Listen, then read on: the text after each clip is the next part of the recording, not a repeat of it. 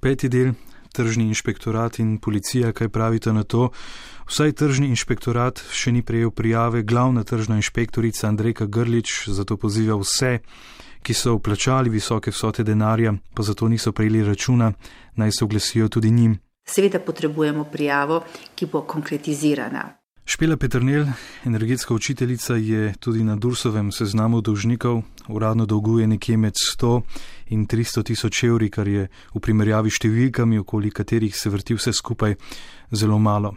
Tukaj seveda uh, vsak prejemek mora izdati račun, globa je 1200 evrov, vendar je pa znesek 50 tisoč evrov že goljufija, kjer in sploh taka piramidna igra, ki je pod nadzorom policije, kajti tukaj gre že za kaznivo dejanje.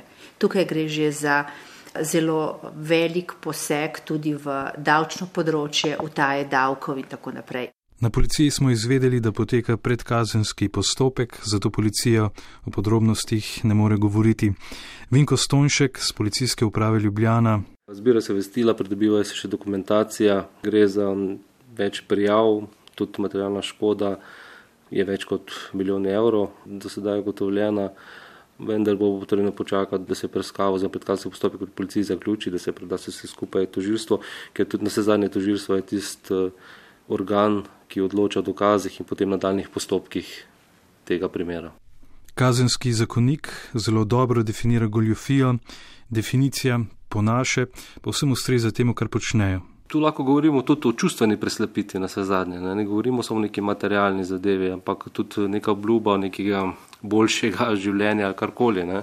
Ampak oseba, ki je pa to obljubila, recimo pa ni zmožna ali pa že naprej ve, da kaj takšnega ne bo se zgodilo. Ne? Policija mora preveriti vsako dejanje posebej, kam bo posameznik vložil denar, je sicer odločitev vsakega posameznika. Lahko se odloči tudi za vlaganje v goljofijo. Policija lahko pogosto le priporoča previdnost oziroma da preverijo oziroma da se pozanimajo, kam ta denar nalagajo.